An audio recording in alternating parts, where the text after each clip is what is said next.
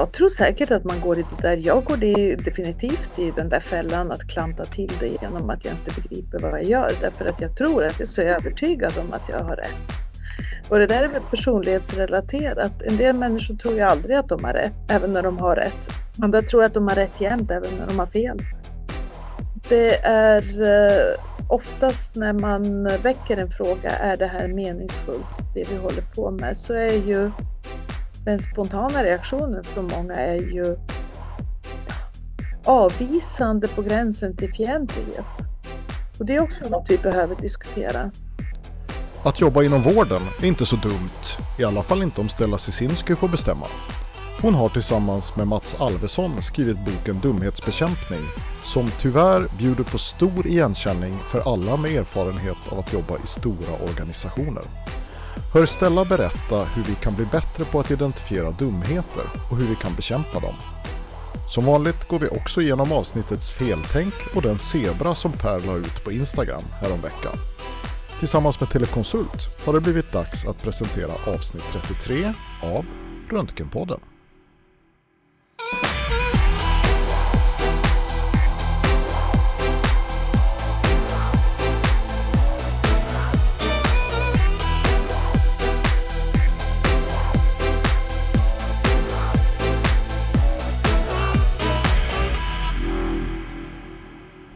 Morgon Jörgen, hur är läget? God morgon, god morgon. Det är bara bra. Det är lite kallt dock. Eh, Vi är ju det är 10 januari nu när vi spelar in och det har ju varit riktigt kallt i eh, en veckas tid. Och det här gamla huset som jag bor i och sitter nu när vi spelar in så eh, har det lite svårt att hålla värmen när det är sådär 15-20 minusgrader. Så att jag har tänt en brasa i kakelugnen här bredvid om du undrar vad det är som sprakar och viner.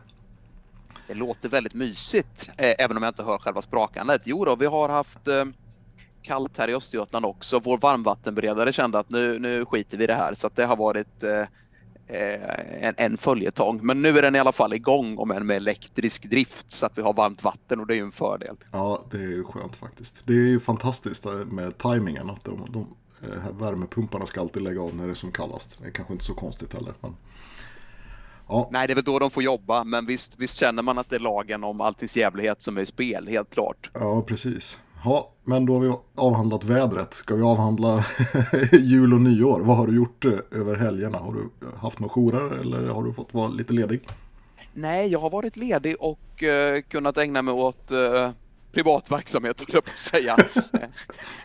Nej, men spendera tid med familjen över helgerna och sen har jag jobbat 13 helgen då, tre dagar i rad. Ja. Eh, så att nu är terminen kickstartad kan man säga. Mm. Själv då? Ja, Eh, jag jobbade lite i mellandagarna bara men lyckades eh, eh, klara mig från jourer under själva helgerna. Så att, eh, jag ska absolut inte klaga på, på schemaläggningen och det har varit eh, det har varit mysigt att vara ledig med familjen eh, över jullovet. Ungarna börjar skolan idag faktiskt. Så att nu känns det som att det är, är återgång till normalläget igen.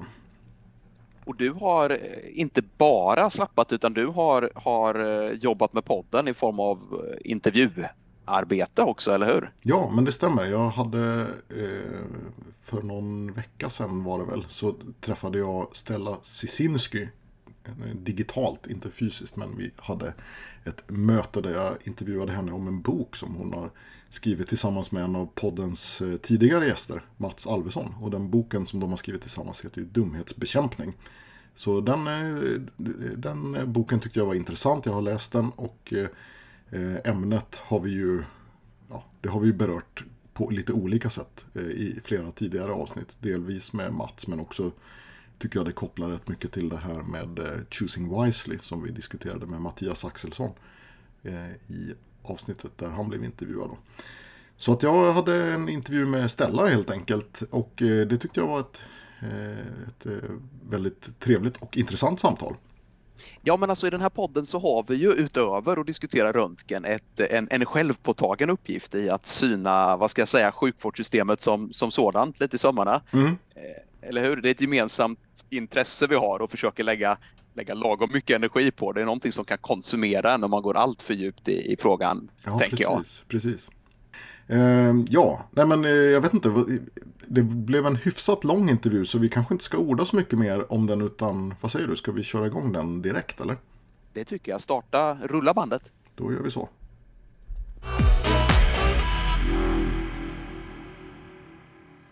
Då säger jag välkommen till Röntgenpodden Stella Sisinski. Tack så mycket. Kul att du är här. Vi har bjudit in dig för att prata om boken Dumhetsbekämpning som du har skrivit tillsammans med Mats Alvesson. Men jag tänkte innan vi börjar prata om boken eh, så skulle jag be dig att kort presentera dig för våra lyssnare som inte vet vem du är. Ja, jag tar väl hoppa det privata utom att jag är 63 år gammal och har varit läkare sedan januari 1985. Mm. Och att jag numera har specialister på kliniken som är födda efter att jag blev klar läkare. Så det är väl i och för sig väldigt trevligt att ha jobbat så länge.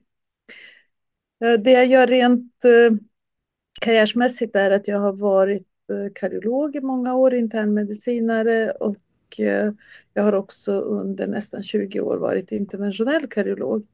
Men sedan 2005 så är jag verksamhetschef i Örebro mm. på universitetssjukhuset. Och jag har vid det här laget eh, ett verksamhetschefsuppdrag som är ganska stort. Det omfattar just nu fyra olika specialiteter. En av dem, den sista, är på akutkliniken och det är tillförordnad verksamhetschef för akutkliniken i Örebro. Men annars är jag ju som sagt kardiolog. Mm. Så du har ett stort ansvar nu då och lång erfarenhet av eh, chefskap och ledarskap inom vården kan man säga. Ja, precis. Och eh, det är väl det som gör mig nästan till, till en dinosaurie idag. Jag har ju, jag har ju inte så många chefskollegor som har suttit så länge på samma ställe. Det är nu drygt 18 år kontinuerligt chefskap på samma ställe. Mm. Och det tycker jag är bra, för det ger ju en viss stabilitet i, i relationer och stabilitet i det som pågår eh, på kliniken. Folk vet vad jag står för, jag vet vad folk står för. Och det, det, tror, jag, det tror jag gör chefskapet i alla fall mycket enklare. Mm. Tycker du att det är för lite av, av det, av kontinuitet i vården i Sverige? Man kan väl säga att det finns ju praktiskt taget ingen kontinuitet i vården i Sverige. Mm. Vare sig i organisation eller i organisationsbefattningar eller i patientvården. Mm. Just det. Du, vi har ju tidigare för eh, knappt ett år sedan intervjuat medförfattaren, din medförfattare till den här boken, Mats Alvesson. Och då när han var i podden så pratade vi en hel del om den form av dumhet som ni tycker ska bekämpas. Boken ni har skrivit heter ju Dumhetsbekämpning. Och det är ju då inte dumhet i bemärkelsen eh, fackmannamässig inkompetens eller att man är okunnig eller så. Utan det är ju snarare någonting som ni kallar för funktionell dumhet. Och de som lyssnade på intervjun med Mats de vet redan vad det är. Men för de som inte känner till begreppet funktionell dumhet, skulle du kunna förklara lite vad ni menar med funktionell dumhet? Mm. Ja, först måste jag säga att eh, ödmjukheten anbefaller mig att säga att det är jag som är medförfattare till Mats. Alltså Mats har ju myntat hela begreppet funktionell dumhet tillsammans med en kollega till honom inom organisationsforskning som heter Andrew Spicer. Mm. Och funktionell dumhet uttrycks ju av att det är funktionellt, det vill säga att under perioder så är det gynnsamt både för organisationen och för individen och för gruppen. Man sitter still i båten, man gör saker och ting som alla andra. Alla är glada och nöjda, det händer inte så himla mycket som stör, stör trivsel och, och, och liksom, ja, säga, avslappning på arbetsplatsen. Men det som utmärker funktionell dumhet är ju att precis som den riktiga vanliga dumheten så leder den ju förr eller senare till problem. Mm. Och eh, om man ska beskriva hur den uttrycks så är det ju att den saknar eller har väldigt stark brist på det som man kan uttrycka som reflexivitet, det vill säga att man sätter sig och reflekterar över saker och ting. Man tänker kritiskt på varför man gör en viss sak och man mm. funderar på om den kunde göra på ett annat sätt. Man ifrågasätter inte heller om det finns ett berättigande i det man gör, det vill säga man gör det men man funderar inte på om det finns någon mening med det. Mm.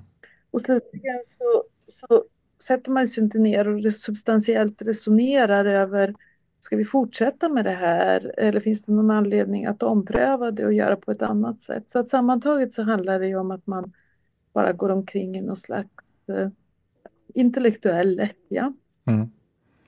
Och det låter lite som när du säger att det finns ett funktionellt inslag att, att man kanske tjänar på att vara dum. Eh, att, att man gör det medvetet då eller kan det vara omedvetet också tror du? För ganska många år sedan så kom jag själv fram till någonting som egentligen i grunden liknar den här slutsatsen Mats och jag tillsammans har diskuterat fram i den här boken. Mm. Och det är det att jag slogs av att för att uthärda så måste man antingen vara ganska naiv, det vill säga funktionellt dum, eller också måste man vara ganska cynisk, mm. det vill säga opportunistisk. Mm. Så att jag, det är egentligen så att funktionella dumheten främjar ju möjligheterna till opportunism och opportunismen i sin tur leder till funktionell dumhet. Så att någonstans i det här så är det som ett eh, liksom, kan vi säga, symbiotiskt förhållande mellan funktionell dumhet och egennytta. Det blir lite självförstärkande till slut kanske? Ja, ja precis. Och på det sättet också dubbelt, dubbelt skadligt kan man säga. Mm. Men om vi ska konkretisera lite då. Du, du beskrev ju hur du har jobbat som chef inom vården i nästan två decennier. Eh, skulle du kunna ge några exempel på, på funktionell dumhet som du har stött på genom din karriär? Ja, i fråga om allt kan jag säga så har jag stött på funktionell dumhet i alla nivåer. Allt ifrån nationella politiska beslut om sjukvården. Mm. Valfrihetslagen eh, som driver jättemycket merkostnader. Beslut om att tillåta bemanningsföretag. Att man eh, inte har lyckats genomföra storregioner. Sådana här mera mera saker där man på något sätt inte kommer till skott. Mm. Men sen lägre ner på andra nivåer så har vi ju det i det ständiga omorganiserandet vi har som vi vet är skadligt. Lite längre ner ytterligare i, i det myckna antalet av chefer. Vi har ju blivit hur många chefer som helst och det både driver administration och eh, meningslösa åtgärder och, och avstånd mellan beslutsfattande och ansvarstagande, det vill säga makten och ansvaret separeras. Mm. Ledarskapsutbildningarna är ju totalt, totalt dumt. Det finns ingen mening med det överhuvudtaget. Rätt mycket av ritualerna vi sysslar med i olika sammanhang där vi ritualiserar eh, process, struktur istället för att se på resultat Eh, den rigida utbildningsmatrisen vi har, inte minst för läkare som egentligen skulle kunna utbildas mycket, mycket friare. Mm. Och att man skulle mäta resultat istället för även process och, och, och struktur även där. Så att i stort sett på alla plan så ser man ju funktionell dumhet som fortsätter bara. Mm. Skulle du säga att det är vanligare med funktionell dumhet inom sjukvården än inom andra verksamheter, till exempel privata företag? Och i så fall, vad tror du att det beror på? Det beror på hur man ser de privata företagen. Sjukvård är ju komplext. Mm. Det är det ju faktiskt på ett helt annat sätt än att öppna en, en McDonalds. Mm. Så att det är lättare att mäta målen och att sätta målen om man till exempel har en produktions eller tjänsteföretag. Mm. Där du mäter hur mycket du tillverkar och hur, vilken kvalitet du får ut på andra änden och hur du snabbt levererar och vilken vinst du har och så. Men om man däremot tittar på skillnaden mellan offentlig sjukvård och privat sjukvård så tror jag att det finns en vissa skillnader därför att i den privata sjukvården så kanske man har liten aning mer opportunism och är noggrannare med hur man använder kostnaderna. Lite större grad av street smartness kanske. Mm. Medan sjukvården, den offentliga sjukvården tycks ju ha hur mycket pengar som helst fram tills nu. Och det har ju alltid varit ett signum för att funktionell dumhet får frodas. Det är ju när man inte ifrågasätter exempelvis hur man använder pengar. Mm. Ja, det var en sak jag tänkte på när jag läste boken. För jag fick intryck av att ni, ni tycker det här argumentet som ofta kommer när, det, när brister i vården belyses, att det inte finns tillräckligt med resurser. Det verkar inte ni hålla med om.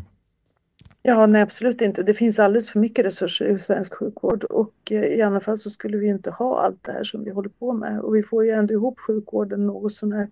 Men det är till väldigt, väldigt stora liksom kostnader, ansträngningar, demotivering av personal, människor som inte vill vara kvar i yrket. Det, det sorgligaste kanske är den senaste årens eh, tilltagande olust inför läkaryrket som jag tycker är väldigt tragiskt. Mm. För om läkare börjar svikta i sitt yrkesval efter så lång utbildning, då är vi, då är vi ute på ett sluttande plan. Mm.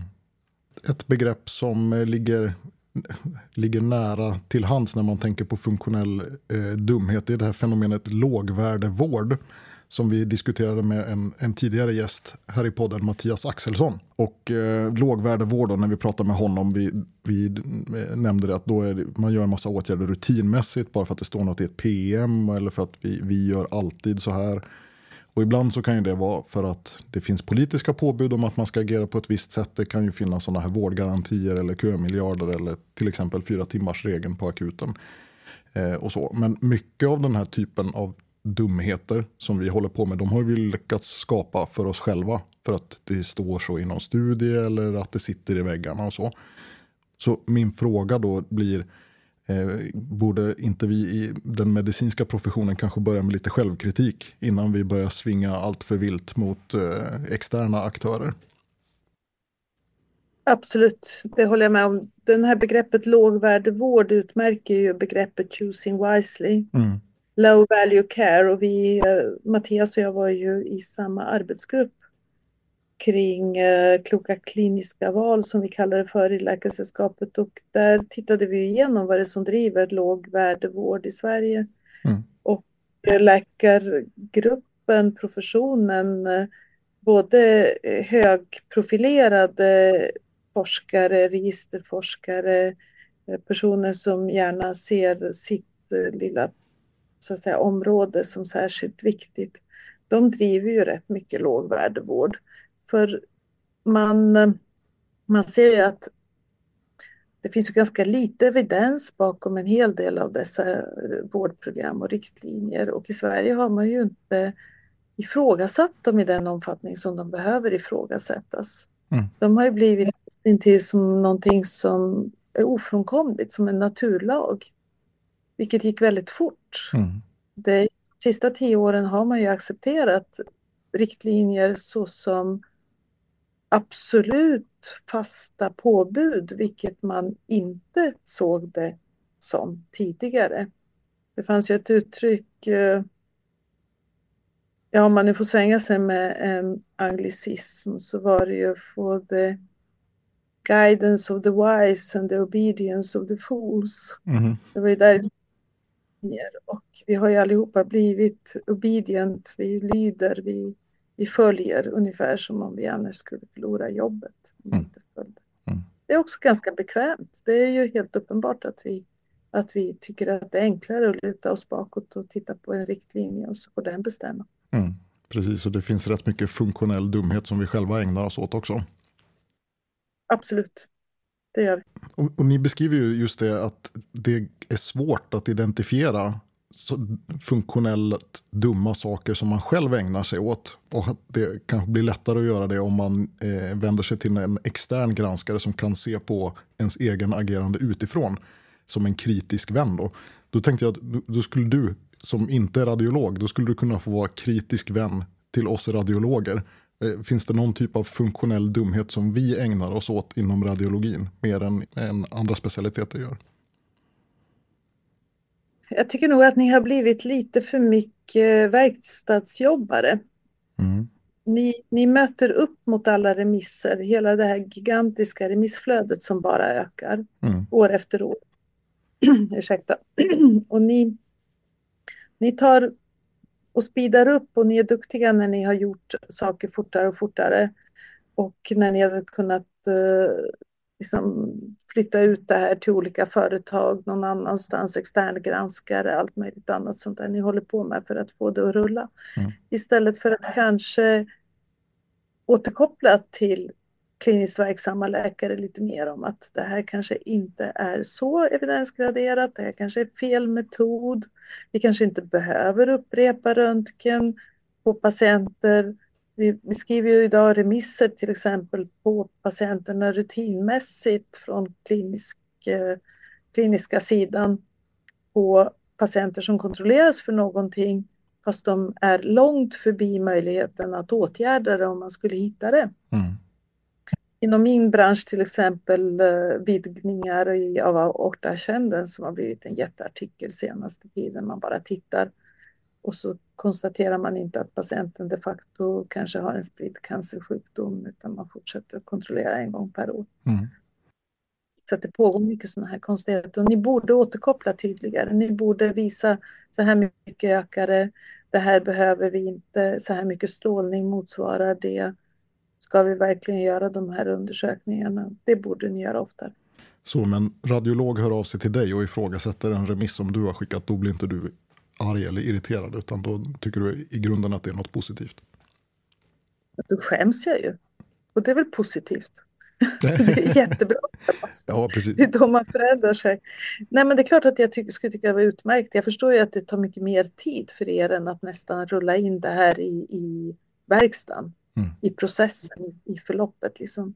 Men kanske mer i att vara utåtriktade och berätta, föreläsa mer. Mm samla kliniker, visa på hur mycket man har gjort senaste året och varför gör ni så här mycket, varför ökar det här? Mm.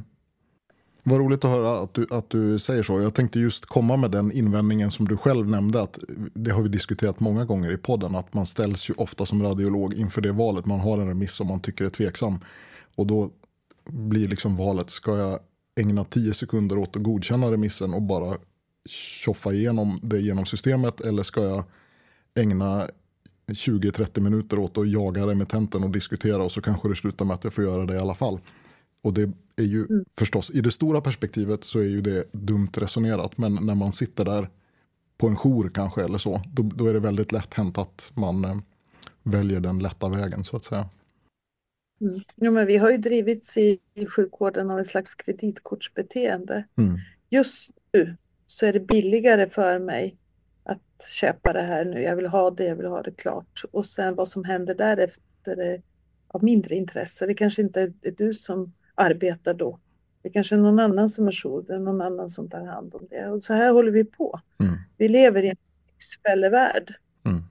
Det är roligt att höra att, att du tycker det skulle vara givande med mer feedback och kanske ifrågasättande från radiologins sida. Skulle du säga att den åsikten är representativ för dina kliniska kollegor när du diskuterar med dem i matsalen eller så om röntgen och hur vi beter oss mot kliniker?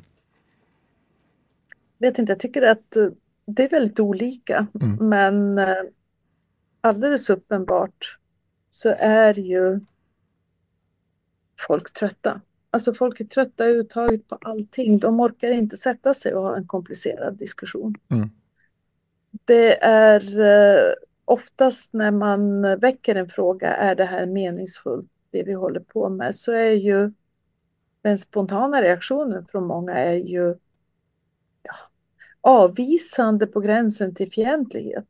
Mm.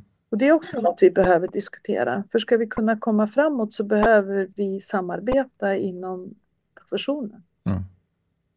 Ett av era förslag på hur man eh, bekämpar dumhet det är ju att man använder sig av en djävulens advokat. Att man liksom institutionaliserar den rollen på en klinik, till exempel på ett APT. Då, att någon får i uppgift att vara djävulens advokat och ställa kritiska frågor. Så att man visar då att, från ledningen att man är öppen för ifrågasättande och så. Då, och att det kanske inte, om jag då har den rollen, att det inte är jag personligen som är kritisk utan att det ingår i min roll. Då, så att säga. Men jag tänkte om jag får vara lite djävulens advokat i förhållande till teserna ni driver i boken.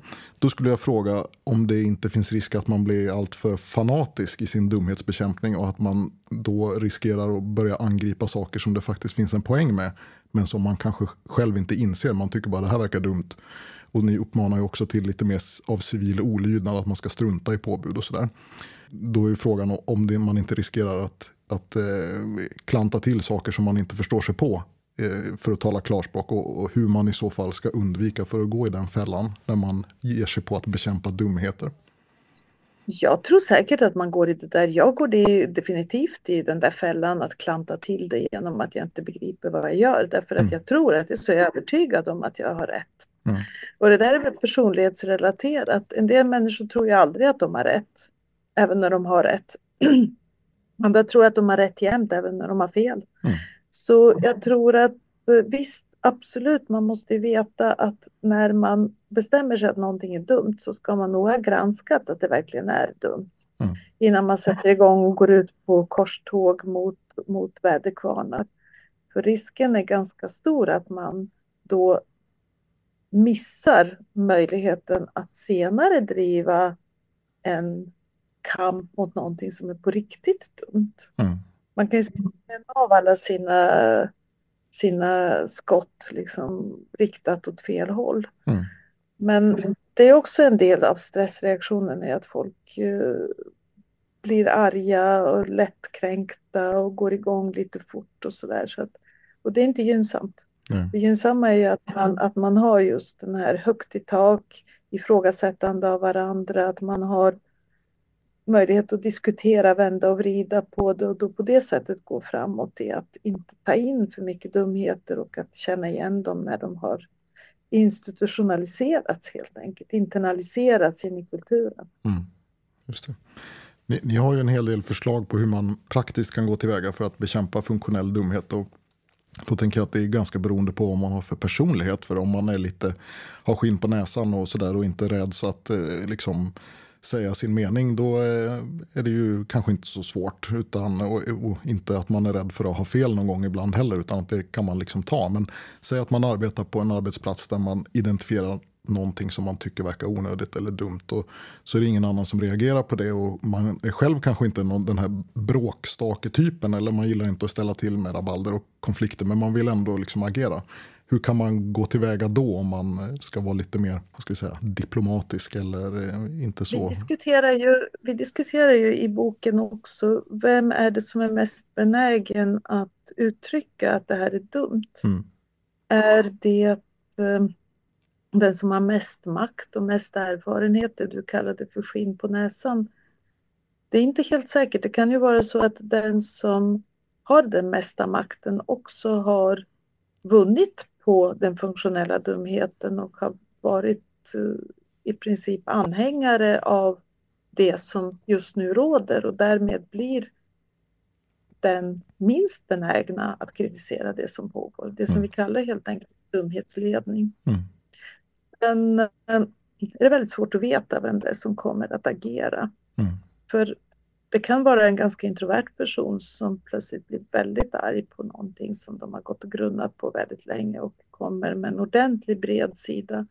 Och då blir man ju ganska glad. Mm. Då tycker man okej, okay, det betyder ju att den här kliniken eller den här verksamheten tillåter ju det här. Mm. Det finns högt i tak, det är en kultur som gör att vi kan ifrågasätta varandra. Just det.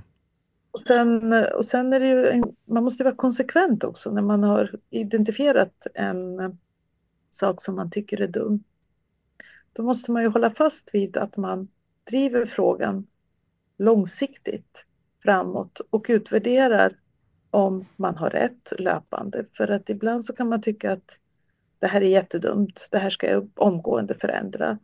Men som du säger, en del av det som görs kan innehålla drag av, eller innehålla delar som är väsentliga, att inte slänga ut, inte slänga ut barnet med badvattnet. Mm. Så att man tar det lite försiktigt när man ska förändra och ta bort dumheter. För i det så kallade dumma kan finnas ganska mycket klokskap också. Mm. Som man inte har förstått. Nej, precis. Jag tänker att jag tänker att en sån där person som kanske inte säger så mycket eller som ja, inte vanligtvis uttrycker sig kritiskt mot saker om en sån person tar bladet från munnen och faktiskt yttrar sig så får ju det också lite större tyngd än om den som alltid vevar mot allting gör det ytterligare en gång så att säga. Så det kanske kan vara lite mm. råg i ryggen till en sån person som eh, känner att nej, det här känns ändå inte bra. Mm.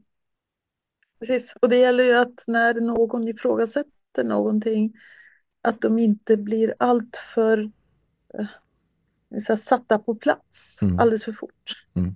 En sån organisation som uh,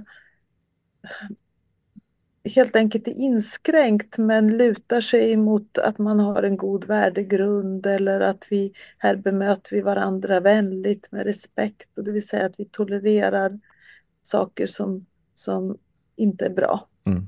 Därför att vi är så snälla mot varandra och vi ser inte till vad som är kärnverksamheten, det är väl det väsentliga. Mm. Varför är vi här? Röntgenpodden samarbetar sedan en tid med Telekonsult, ett teleradiologiföretag som varit verksamt i Sverige i över tio år.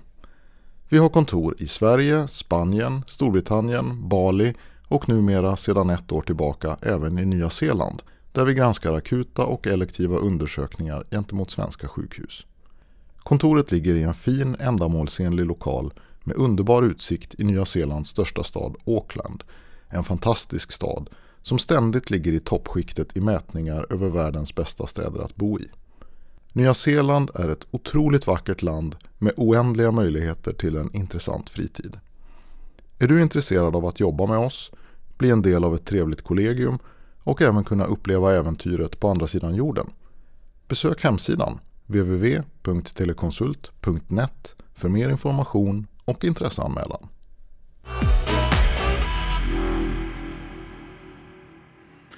Och du är ju själv chef inom vården som vi har diskuterat redan. Eh, lever du som du lär tycker du? Vad, vad har du själv eh, aktivt bekämpat för dumheter i din egen organisation genom åren?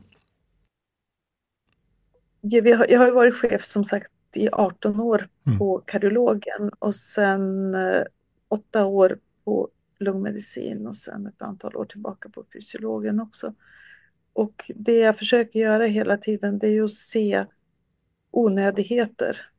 Inte tillsätta tjänster som syftar enbart till administration, plocka bort administrationen gång på gång. Vi har ju gjort mycket saker som har varit subversiva, till exempel inte deltagit i register som inte gynnar oss. Det finns till exempel ett dödsorsaksregister och det finns ett palliativt register och det finns en massa såna olika typer av register. Dödsorsaksregistret, förlåt, det har vi varit med i, men, men till exempel det palliativa registret, det hoppade vi av ganska tidigt när vi insåg att vi inte har några vinster av det. Sånt kan ju vara väldigt svårt att göra, mm. Mm. för det blir ifrågasatt när någonting görs bland alla andra. Sen har vi inte deltagit i olika profilerade utbildningar som just nu har varit på modet. Mm. Utan eh, räknat ut att det kanske tar väldigt lång tid av arbetstid om alla ska gå på en utbildning i bemötande av personer med funktionsvariation till exempel. kan man ju bara fundera på att kanske har ju alla inom sjukvården som vi möter, alla våra patienter tillfällig eller permanent funktionsvariation. Och att vi rimligen då inte behöver gå någon utbildning mm. formellt kring det. Jag har heller inte byggt ut inom lungmedicin så jättemånga kontaktsjuksköterskor så som man har gjort på många andra ställen, vilket gör att vi har mer personal på vårdavdelningar, kan vårda patienterna när de blir sjuka. Mm. Jag tänkte på det du nämnde om administrativ personal.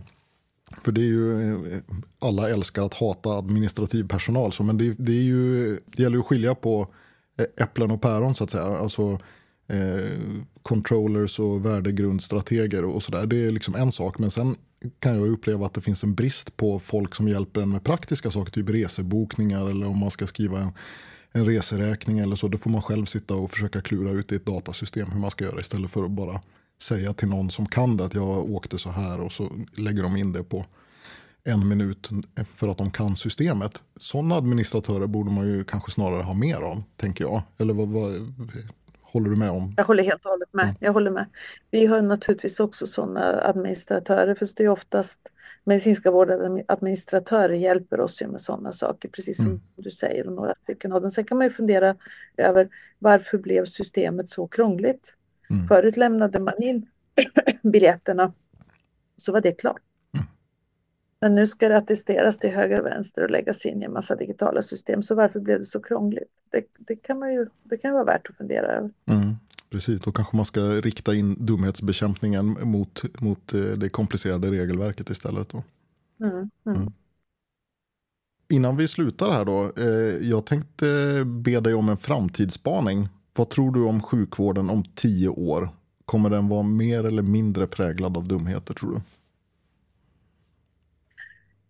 Alltså jag är tyvärr rädd att den kommer vara mer präglad av dumhet än vad den är idag. Mm. Och eh, det, här, det här är en jättesvår fråga för den är ju så dystopisk när man när man tänker efter men vi har ju många i min ålder som ändå är fostrade i en annan kritisk eh, tanke, attityd kan man säga, lite tanke och attityd ifrån skolan. Mm. Den yngre gruppen läkare är eh, mer, kan jag, kan jag säga, jag ska försöka välja mina ord så att det låter korrekt. Men de är mer benägna att eh, följa det andra talar om för dem. Samtidigt som de ser sig som starka individer så är de förhållandevis rädda för att sticka ut och har inte så lätt att förklara hur de tänker. Idédebatt är inte så lätt att föra med till exempel läkargruppen numera. De saknar orden, de saknar förmågan att eh, förklara ett kritiskt tänkande och undviker gärna konflikter. Så att det är en annan, eh, det är inte lika profilerad grupp. Och jag är rädd att om några år så kommer den här dåliga skolgången som inte har fostrat en bildad utan bara en utbildad profession. Så kommer det att eh, slå mot sjukvårdens fundament av professionell kunskapsorganisation på samma sätt som det har slagit mot skolan. Mm. Och att vi kommer att ganska snabbt förlora allmänhetens och patienternas tillit därför att vi inte levererar plikt och ansvar utan mera ser oss själva som någon som man kan sälja på en arbetsmarknad. Mm. Uh, yrket förlorar sin status mer och mer och kommer att börja bli mer ifrågasatt och det kommer att bli mera krav på second opinion och, och uh, folk kommer att shoppa runt sjukvård på ett annat sätt än vad de har gjort tidigare och där kommer ju också lämna plats för varierande grad av korruption och välfärdsbrott och det här ser vi ju komma mm. ganska tydligt. Så att det, det, kan, det kan bli mycket, mycket mer. Framförallt av mycket, mycket mer opportunism. Mm. Så att jag tycker det är ganska, jag tycker det är hög tid att läkargruppen kliver fram och säger vilka krav ska vi ställa på varandra istället för vilka rättigheter ska vi kräva att folk ska, ska se till att vi får. Mm högavlönade, högutbildade har kvar ett starkt förtroende hos befolkningen. Men det kan gå ganska fort innan detta är borta. Så att säga. Det, kan ta, det kan gå fort. Det kan bara bli så att vi hamnar i samma typ av brist på tillit som man har i exempelvis Sydeuropa, forna Östeuropa och resten av världen.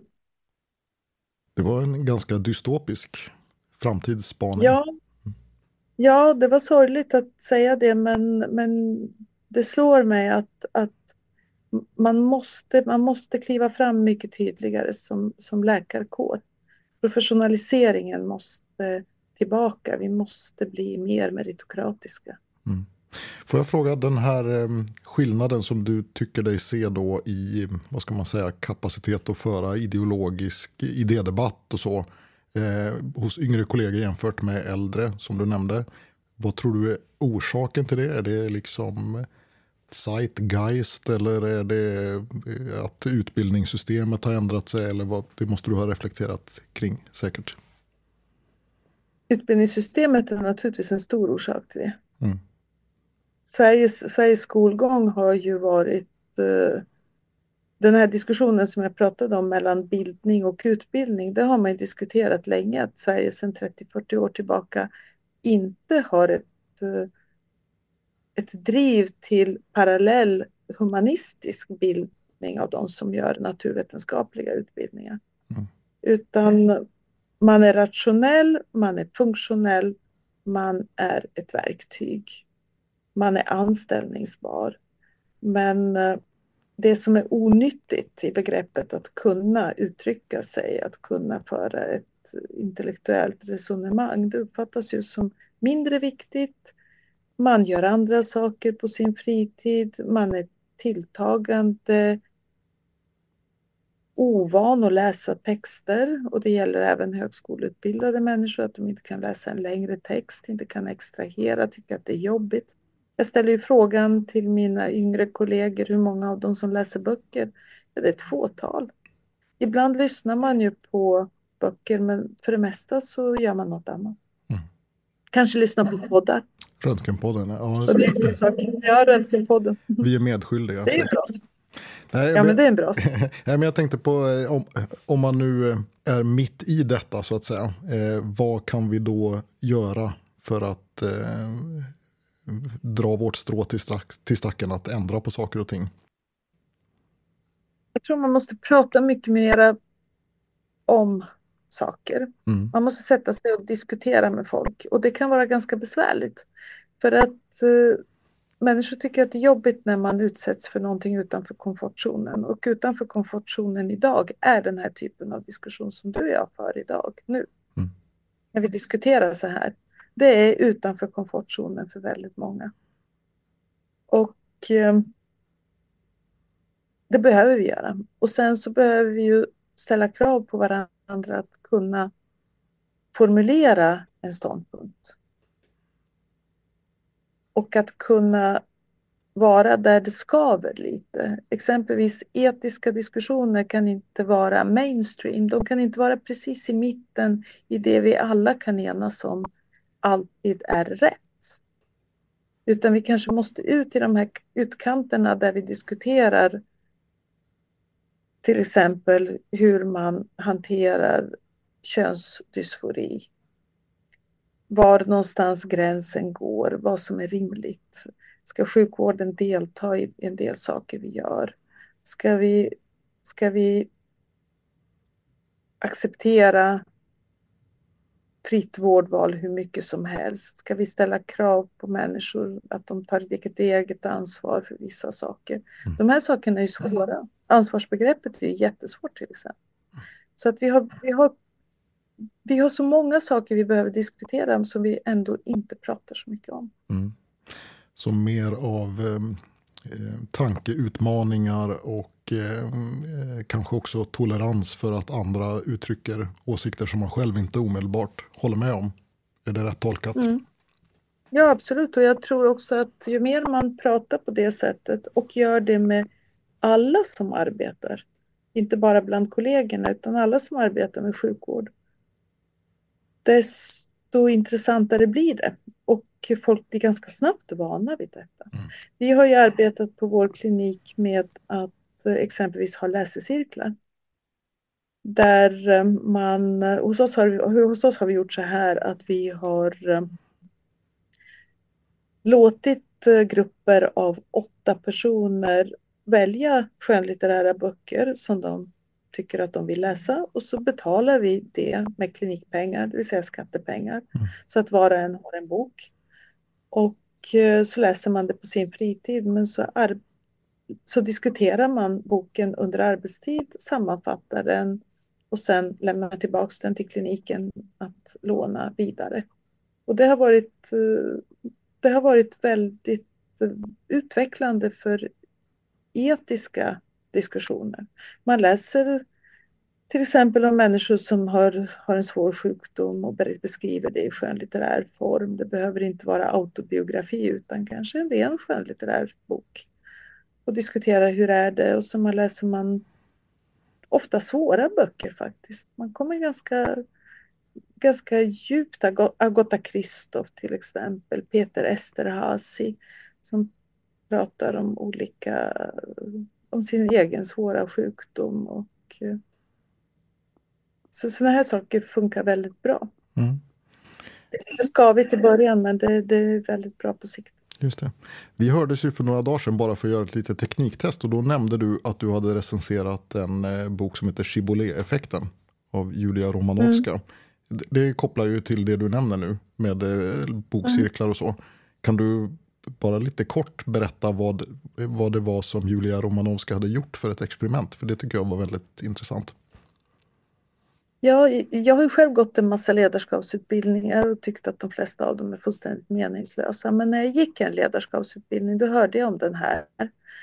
forskningen som Julia Romanowska gjorde tillsammans med bland annat Töres Theorell.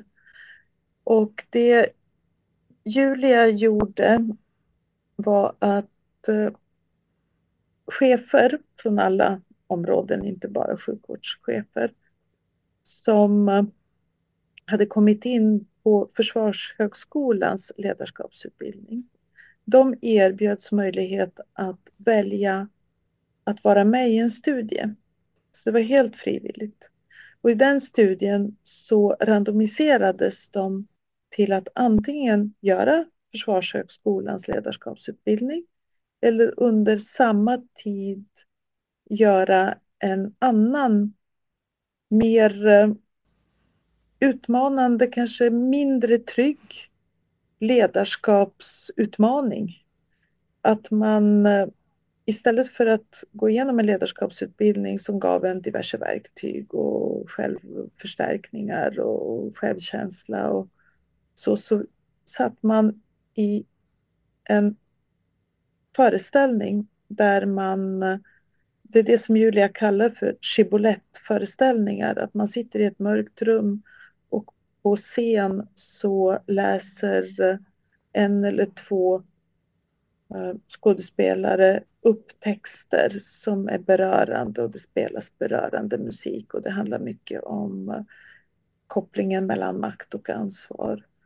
Saker och ting som gör ont, till exempel att man läser upp eh, texter från ögonvittnen av förintelsen och man spelar musik som på olika sätt och vis kopplar till detta. Och det här leder ju då till att människorna som går den här utbildningen, Shibbolett-utbildningen, istället för att göra den sedvanliga ledarskapsutbildningen utvecklas bättre som chefer, kopplar ihop den egna makten till ett starkare ansvarstagande. Och det märks eh, på det sättet att deras medarbetare reduceras eh, i sin stress. Och det går att mäta i form av biomarkörer för stress. Så när man har gått en vanlig ledarskapsutbildning så ökar faktiskt stressen på medarbetarna. Medan om man går den här andra utbildningen så minskar stressen för medarbetarna. Det tycker jag är väldigt intressant. Jag tyckte också det var, att det var, det var väldigt intressant är att eh, om man byter ut traditionell ledarskapsutbildning med feedback och vad man nu, allt det man traditionellt förknippar med ledarskapsutbildningar. Det man lär sig där, att man byter ut det mot kulturella upplevelser kan man säga.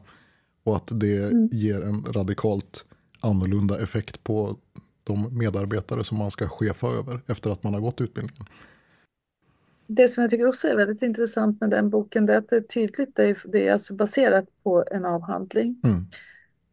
Uh, att det tydligt visar att den klassiska ledarskapsutbildningen är direkt destruktiv. Mm. Och uh, med tanke på vilken mångmiljardindustri detta är globalt så kan man ju undra, har det blivit någon bra effekt? Knappast. Tittar man på chefskarusellen, inte minst i Sverige inom offentlig sjukvård, så är den, ja, jag vill inte gärna ta så starka ord, men den är ju nästintill grotesk. Alltså folk är ju runt på mindre än två års förordnanden och blir utköpta efter ett och ett halvt år. Och så drar de vidare till så kallade nya utmaningar. Vad är det för något vi håller på med? Mm. Och det verkar som ledarskapsutbildningarna mest handlar om att by bygga nätverk för de här människorna så att de kan dra vidare. Så att det kan bli en ganska, bli som en slags, eh, kan jag säga, vandrande charlataner över jorden. Det är inte speciellt bra. Nej. För det var väl också så att den här studien, eller avhandlingen, den visade inte bara att medarbetarna till cheferna som hade gått den traditionella ledarskapsutbildningen, de blev mer stressade men de cheferna som hade gått den traditionella ledarskapsutbildningen, de tyckte att de var bättre chefer efter utbildningen än innan. Men i den andra gruppen, den kulturella gruppen om man säger så, Shibbolett-gruppen, där var det tvärtom. att Cheferna de mm. kände sig mer osäkra i sitt ledarskap men medarbetarna tyckte att cheferna blev, blev bättre om man ska eh, sammanfatta det väldigt mm. grovt. Ja, ja precis. Du sammanfattar det mycket bättre än vad jag gör. Men när man gick Shibboleth-utbildningen som då var nio månader också med de här föreställningarna man utsattes för så upplevde man ju att man hade svårare att fatta beslut. Man tyckte att man var en sämre chef, en mer velig chef och eh, trodde att man fattade beslut sämre men i verkligheten fattade man ju bättre beslut också därför att man tänkte igenom dem mer. Mm. För man förstod att, att konsekvensen av de beslut man tar blir ganska, ganska viktiga. Det var kanske lite av en mm. tangent vi svävade iväg på, men det, det var väldigt intressant. Shibbolett-effekten heter alltså den boken av Julia Romanovska och boken som du har skrivit tillsammans med Mats Alvesson, den heter Dumhetsbekämpning. Eh, är det något mer du skulle vilja lägga till nu Stella innan vi rundar av den här intervjun? Nej, inte annat än att jag är jätteglad att ha fått vara med och att jag är imponerad över det ni, har, ni gör i, i Röntgenpodden. Tack så hemskt mycket för att jag fick vara med. Ja, det är vi som tackar. Jättekul att ha dig med Stella och lycka till med dumhetsbekämpningen på din arbetsplats här de kommande åren. Mm. Detsamma. Tack.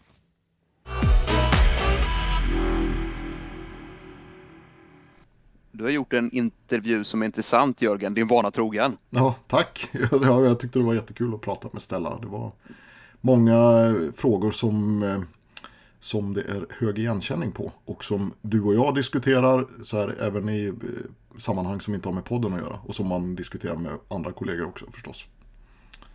Ja, alltså vi, vi, håller ju med henne om väldigt mycket, men det kanske är eh, det kanske är därför vi har valt henne som intervjuobjekt. Vad vet jag, men jag bara man sitter ju och nickar liksom högt i luften när hon kommer in på vissa av de ämnen hon tar upp. Alltså det där med ledarskapsindustrin bara mm. eh, tyckte jag var slående. Alltså jag kommer ihåg när jag jobbade i, i, eh, i Region Jönköping för ett antal år sedan så, så skulle de tillsätta en, en högre chef där i regionen och i egenskap av facklig organisation så skulle vi ju vara med och, och intervjua vederbörande och det var någon som visade då CV som den här chefen hade med sig och det var ju precis ett och ett halvt, två år på varje tjänst. Liksom. Ja, okay.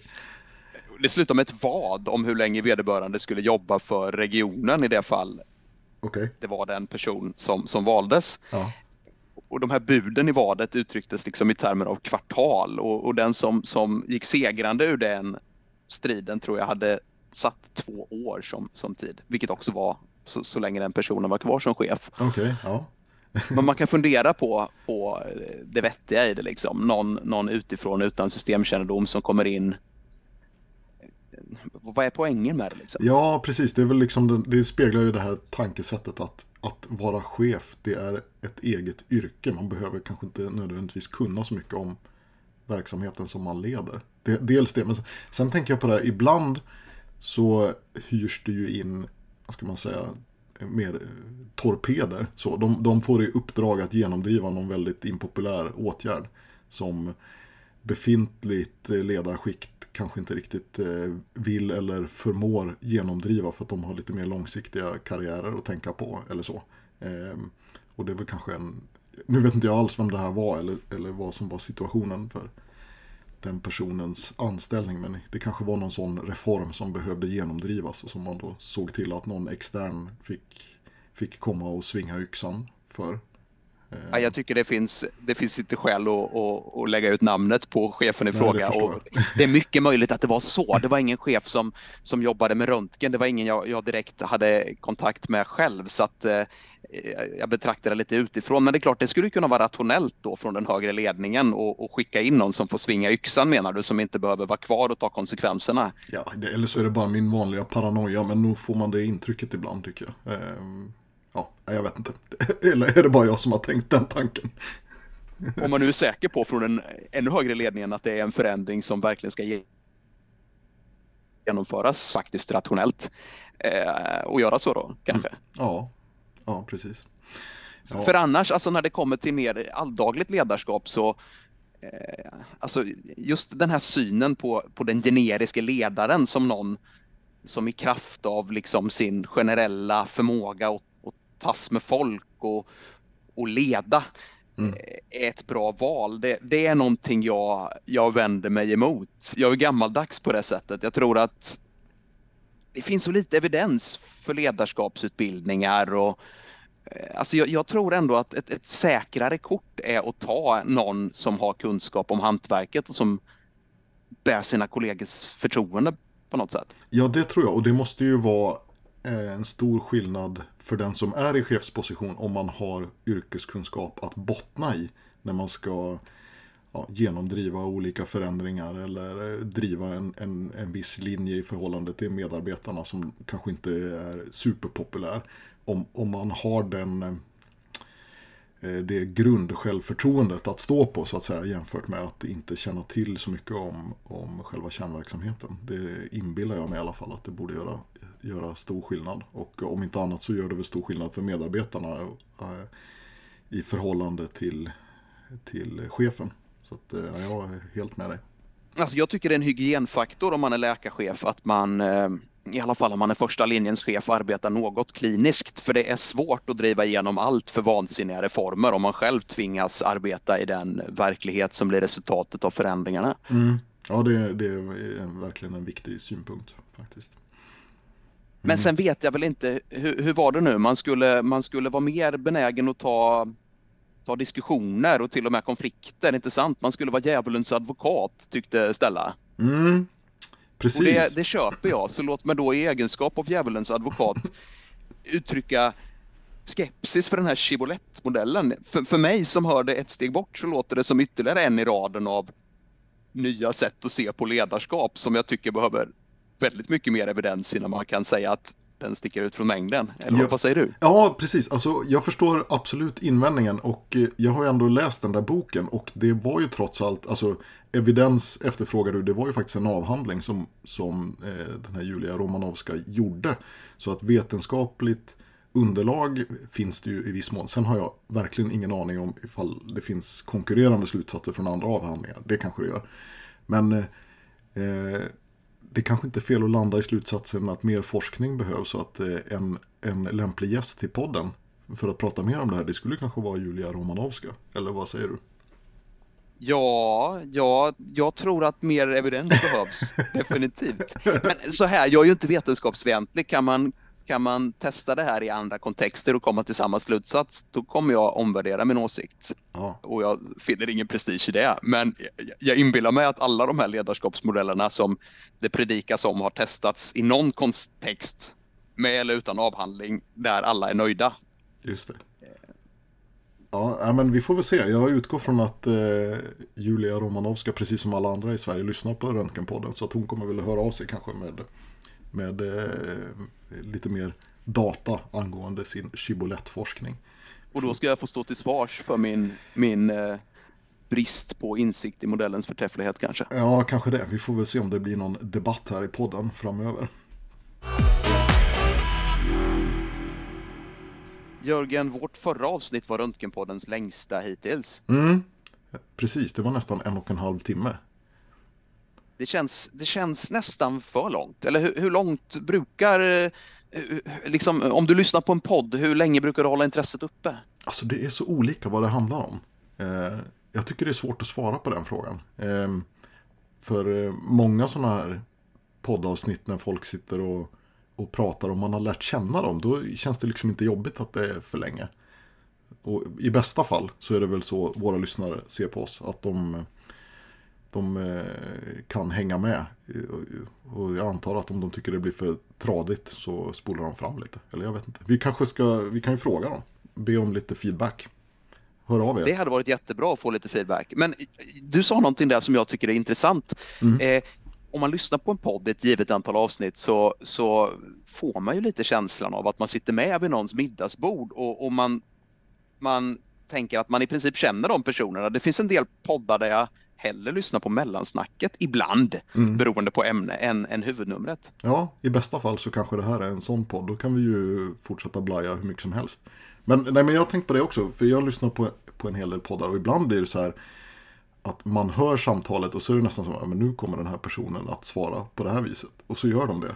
Då, då är det ju, de har ju verkligen lärt känna personerna i, i podden. Så att, Ja. ja, man känner i alla fall personerna i deras egenskap som poddare och hur de brukar bete sig och respondera där. Så långt är det nog i alla fall. Ja, precis. Ja, men nu svävar vi ut lite då igen. Förra avsnittet var långt, började vi med att konstatera. Och, eh, nu eh, har vi svävat ut så att det är risk att även det här kommer bli det. Men vi skulle komma till någonting, eller hur? Ja, alltså slutsatsen var att vi skulle, att vi skulle komma till saken och det har vi fullständigt misslyckats med. Men Men gör det nu då istället. ja, ja, vi har haft en tävling Jörgen där Ja, de här muggarna du så förträffligt beställde har, har utgjort pris, eller hur? just det.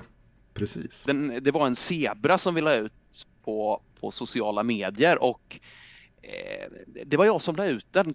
Jag vet inte, du var informerad om vad fallet visade redan innan så jag kan inte, jag kan inte sätta dig på pottkanten, eller hur? Nej, precis. Och det var ju lite, lite lurigt fall för det var ju, det var väl tre enstaka bilder från en CT-undersökning som eh, verkade ha fokus på övre buken. Det, var, det kändes som att det var levern som man skulle fokusera på där.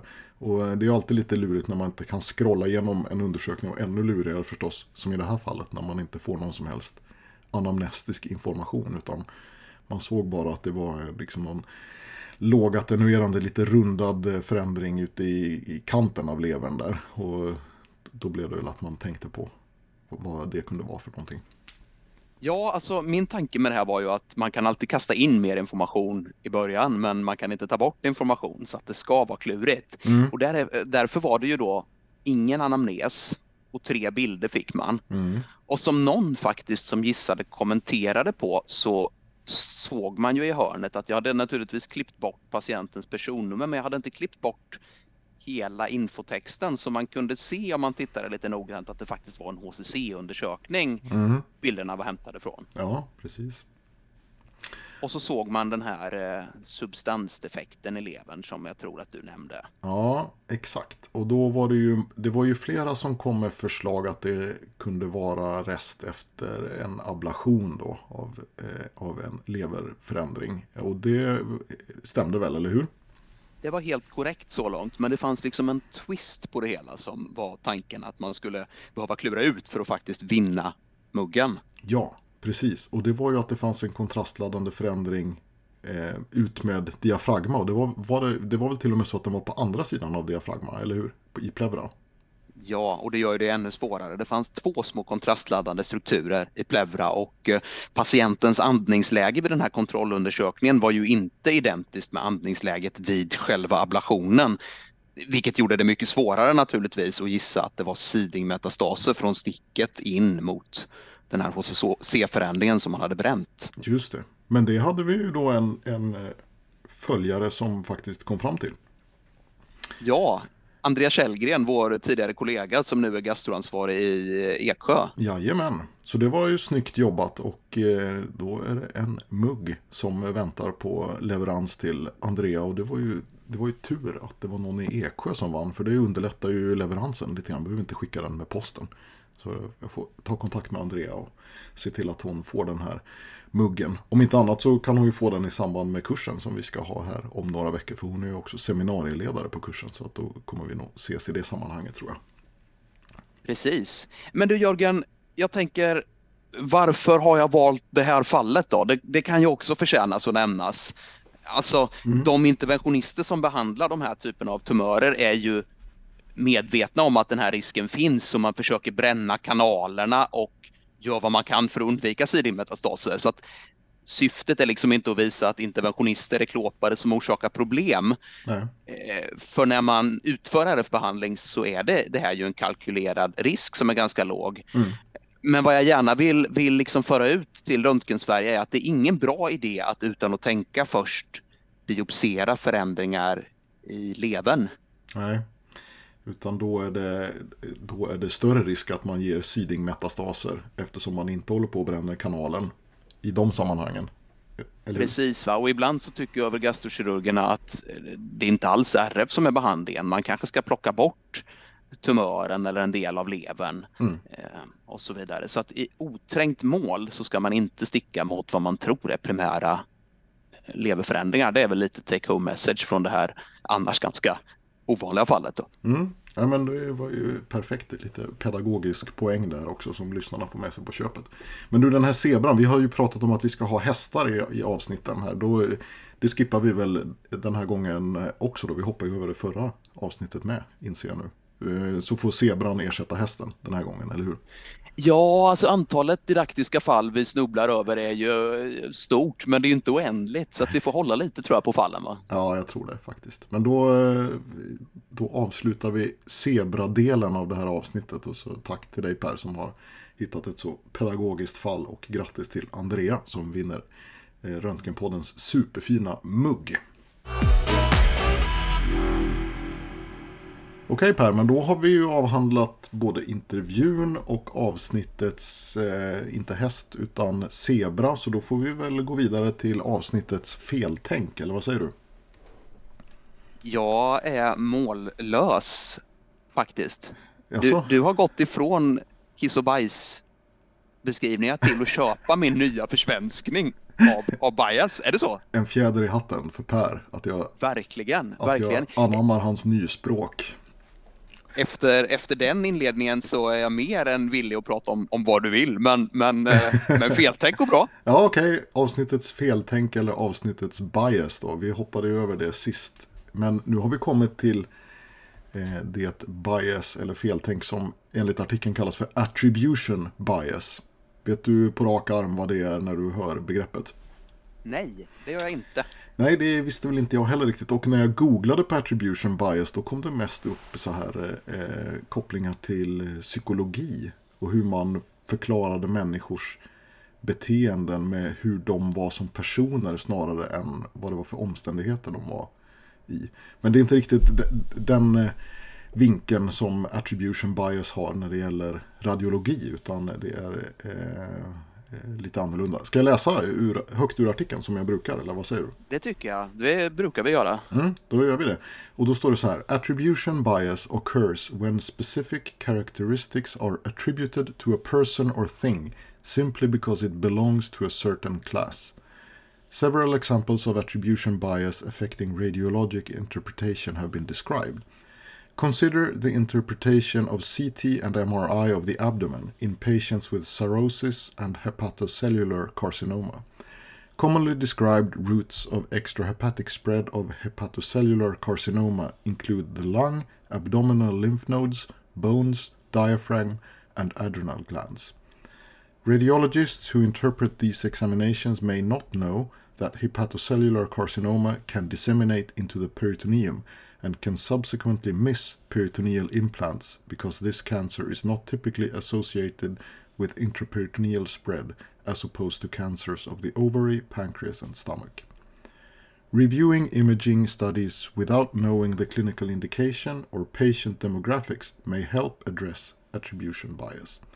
In addition, structured report templates can help focus attention on known blind spot Eh, blind spots to identify uncommon manifestations of diseases such as peritoneal spread of tumor, e.g. including the field peritoneal surface and intraperitoneal space in the report template. Ja, lite långrandigt sådär. Men eh, eh, jag, jag känner lite sådär med alla dessa olika feltänk eller bias, vilket ord man nu väljer, att de går in lite grann i varandra, eller hur? Ja, det gör de. Det gör de verkligen. Och något jag tycker återkommande är att eh, alltså det som beskrivs som ett feltänk mycket väl kan vara någonting som också är rationellt. Mm. Eller, alltså det här är ju en svår fråga, va? men jag tenderar ju när jag tittar på en buk att efter att jag har tittat efter det man frågar efter så tittar jag igenom buken på ett ganska standardiserat sätt. Mm.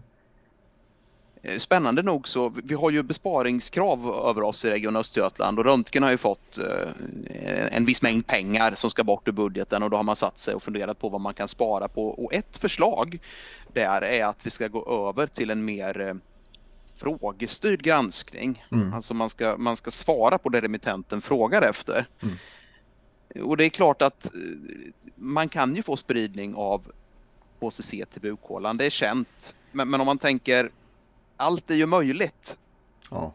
Så med en fallande grad av sannolikhet så blir det ju mindre och mindre relevant att titta på vissa strukturer i en viss kontext. Precis. I alla Vilket fall... alltså motsäger då eh, det här besparingsförslaget förslaget motsäger ju det här eh, tänket som artikeln föreslår att man ska anlägga för att minska risken för attribution bias, om du är med på vad jag menar. Jag är helt med på hur du menar. Och jag eh, tänker eh, lite grann på vad vi pratade om när vi intervjuade Mattias Axelsson om det här med choosing wisely och vår benägenhet att beskriva en massa irrelevanta bifynd hela tiden. Att en patient med HCC har spridning till peritoneum är naturligtvis inte irrelevant. Men det du, det du säger att man ska fokusera på frågeställningen och, och eh, försöka eh, inte lägga så mycket energi på övriga saker. Det är ju lite motsatsförhållande till, till vad som beskrivs i den här texten om attribution bias onekligen. Um, ja, det är, det är mycket att, att tänka på i, vad gäller bias. Sen finns ju möjligheten att man tittar på allt men bara beskriver en del av bifynden. Men det är väl ett arbetssätt som jag tror de flesta av oss anlägger redan idag. Ja, precis. Och då det här förslaget för att eh, komma ifrån attribution bias som står i texten här, att man ska ha svarsmallar där man ska svara på allt. Det eh, går ju också ifrån det här budskapet att man ska försöka fokusera på det relevanta. Och det är bara att gå till en själv. Om man får en remiss som är en kopia av en inskrivningsanteckning så orkar man inte läsa den texten, eller hur? Utan man vill ju att det ska vara två rader med den relevanta informationen. Eh, alla har vi väl fått remiss på en, eh, till en CT hjärna som beskriver ett normalt neurologstatus på 15 rader men man tappar ju liksom tråden efter tredje raden ungefär och börjar titta på bilderna istället. Eh, och det, det, är väl det som är risken om man kör det här svarsmall-tänket där man negerar saker hela tiden. Att, eh, eh... Ja, eller i värsta fall så får ju svarsmallen konsekvensen att man plockar upp fler onödiga bifynd. Alltså om man säger att det finns något litet eh, lugnodulus som är subpleuralt och triangulärt och jag tror att det är en intrapulmonell lymfkörtel, då kanske jag helt enkelt struntar i att nämna den. Men om det finns en stor ruta mm. där jag uppmanas att ange huruvida det finns ett lugnodul eller inte, eller mm. flera, mm. då är det ju mycket svårare att säga nej. Ja, exakt. Och, och, så tänker jag att om man använder kör det här svarsmallstuket så är det ju kanske större risk att remittenten faktiskt inte läser allt som står i svarsmallen. Ungefär på samma sätt som man tröttnar halvvägs igenom en väldigt lång anamnes i själva remissen. Eh, och det kommer naturligtvis ingen att erkänna att de, att de gör, men eh, både du och jag har väl kanske haft en känsla någon gång när man får en, en lång remisstext att äh, fan det här orkar jag inte läsa. Nu börjar jag titta på bilderna istället. Så att, eh, ja jag vet inte. Men kan vi med lite känsla av déjà vu konstatera att det här är ännu ett feltänk där det är bra att ha kännedom men att vi inte nödvändigtvis till fullo ställer oss bakom artikelförfattarens förslag till lösning. Ja, det tycker jag var en bra sammanfattning på avsnittets bias.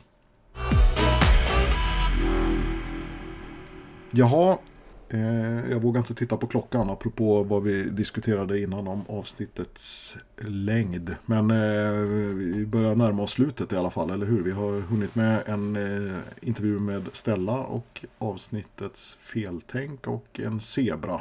Det tycker jag får räcka, eller vad säger du Per? Ja, det får det göra. Jag tycker eh, vi inte har ambitionen om att göra avsnitten längre än en timme. Utan blir det så så blir det så. Men vi, vi behöver inte kofota in någon ytterligare Nej. punkt. Det tycker jag inte. Nej, jag tycker det låter klokt. Men eh, har du något spännande för dig här framöver då? Eller hur, hur eh, ser det ut för dig jobbmässigt? Ja, det är ju oxaveckorna va? Så mm. att det, är, det är ju mycket jobb. Det är inte så himla mycket eh, roliga grejer som hinner hända innan sportlovet. Eh, det tror jag inte. En rolig grej hinner hända, eller hur? Du tänker förstås på basal akutradiologikursen? Ja, precis. Den ska vi ju köra vecka fem. Och, och eh, det kommer ju vara ganska snart in på när vi har släppt det här avsnittet. Så att eh, vi håller ju på att förbereda lite inför den. Vi har eh, cirka 30 anmälda, eller knappt 30 i talande stund. Det kanske kommer in ytterligare någon. Så att det ska bli jättekul. Det är alltid lika trevligt tycker jag att, att eh, träffa folk från hela landet. För det är verkligen från hela landet som folk har anmält sig. Även om det blir digitalt den här gången. Så det är inte riktigt samma känsla som när man kör en fysisk kurs. Men jag tycker ändå att eh, på de här digitala kurserna om man har fått en seminariegrupp att hålla sig till så har man lärt känna dem ganska bra. Eller vad, vad säger du? Alltså jag tycker att det är bättre att hålla seminarier digitalt när alla kan sitta med sin egen skärm och titta på bilder och dela skärmar och inte behöver kriga om bandbredden. Mm. Däremot tycker jag det är roligare att föreläsa för en livepublik. Det känns alltid lite svårare när man inte ser dem man, de man talar till. Ja, precis. Alla briljanta ordvitsar och sådär som man drar. Det är lite svårt att få en känsla för hur de, eh, hur de landar hos publiken när 80% har sina webbkameror avstängda och sådär. Det är lite lättare när man står inför ett fullt auditorium. Ja, men i alla fall, vi ska köra kursen här så det, det ska bli riktigt kul. Och sen, eh, ja men eh, vad gäller podden framöver, vi har ju mycket idéer faktiskt om vad vi ska prata om. Så att eh, på den fronten känner jag mig inte det minsta orolig, utan det kommer bli content framöver. Det är små och stora grejer planerade eh, i, i, många olika former kan vi väl säga. Mm, precis. Lagom kryptiskt angivet. Ja, vi säger inte mer än så, men eh, vi, vi känner oss eh, trygga med att vi kommer leverera fler avsnitt i närtid. Och sen eh, så får väl lyssnarna helt enkelt hålla ögon och öron öppna och se vad, eh, vad vi levererar. Så är det. Och tills dess så får vi väl säga på återhörande, kära lyssnare. Ja, på återhörande.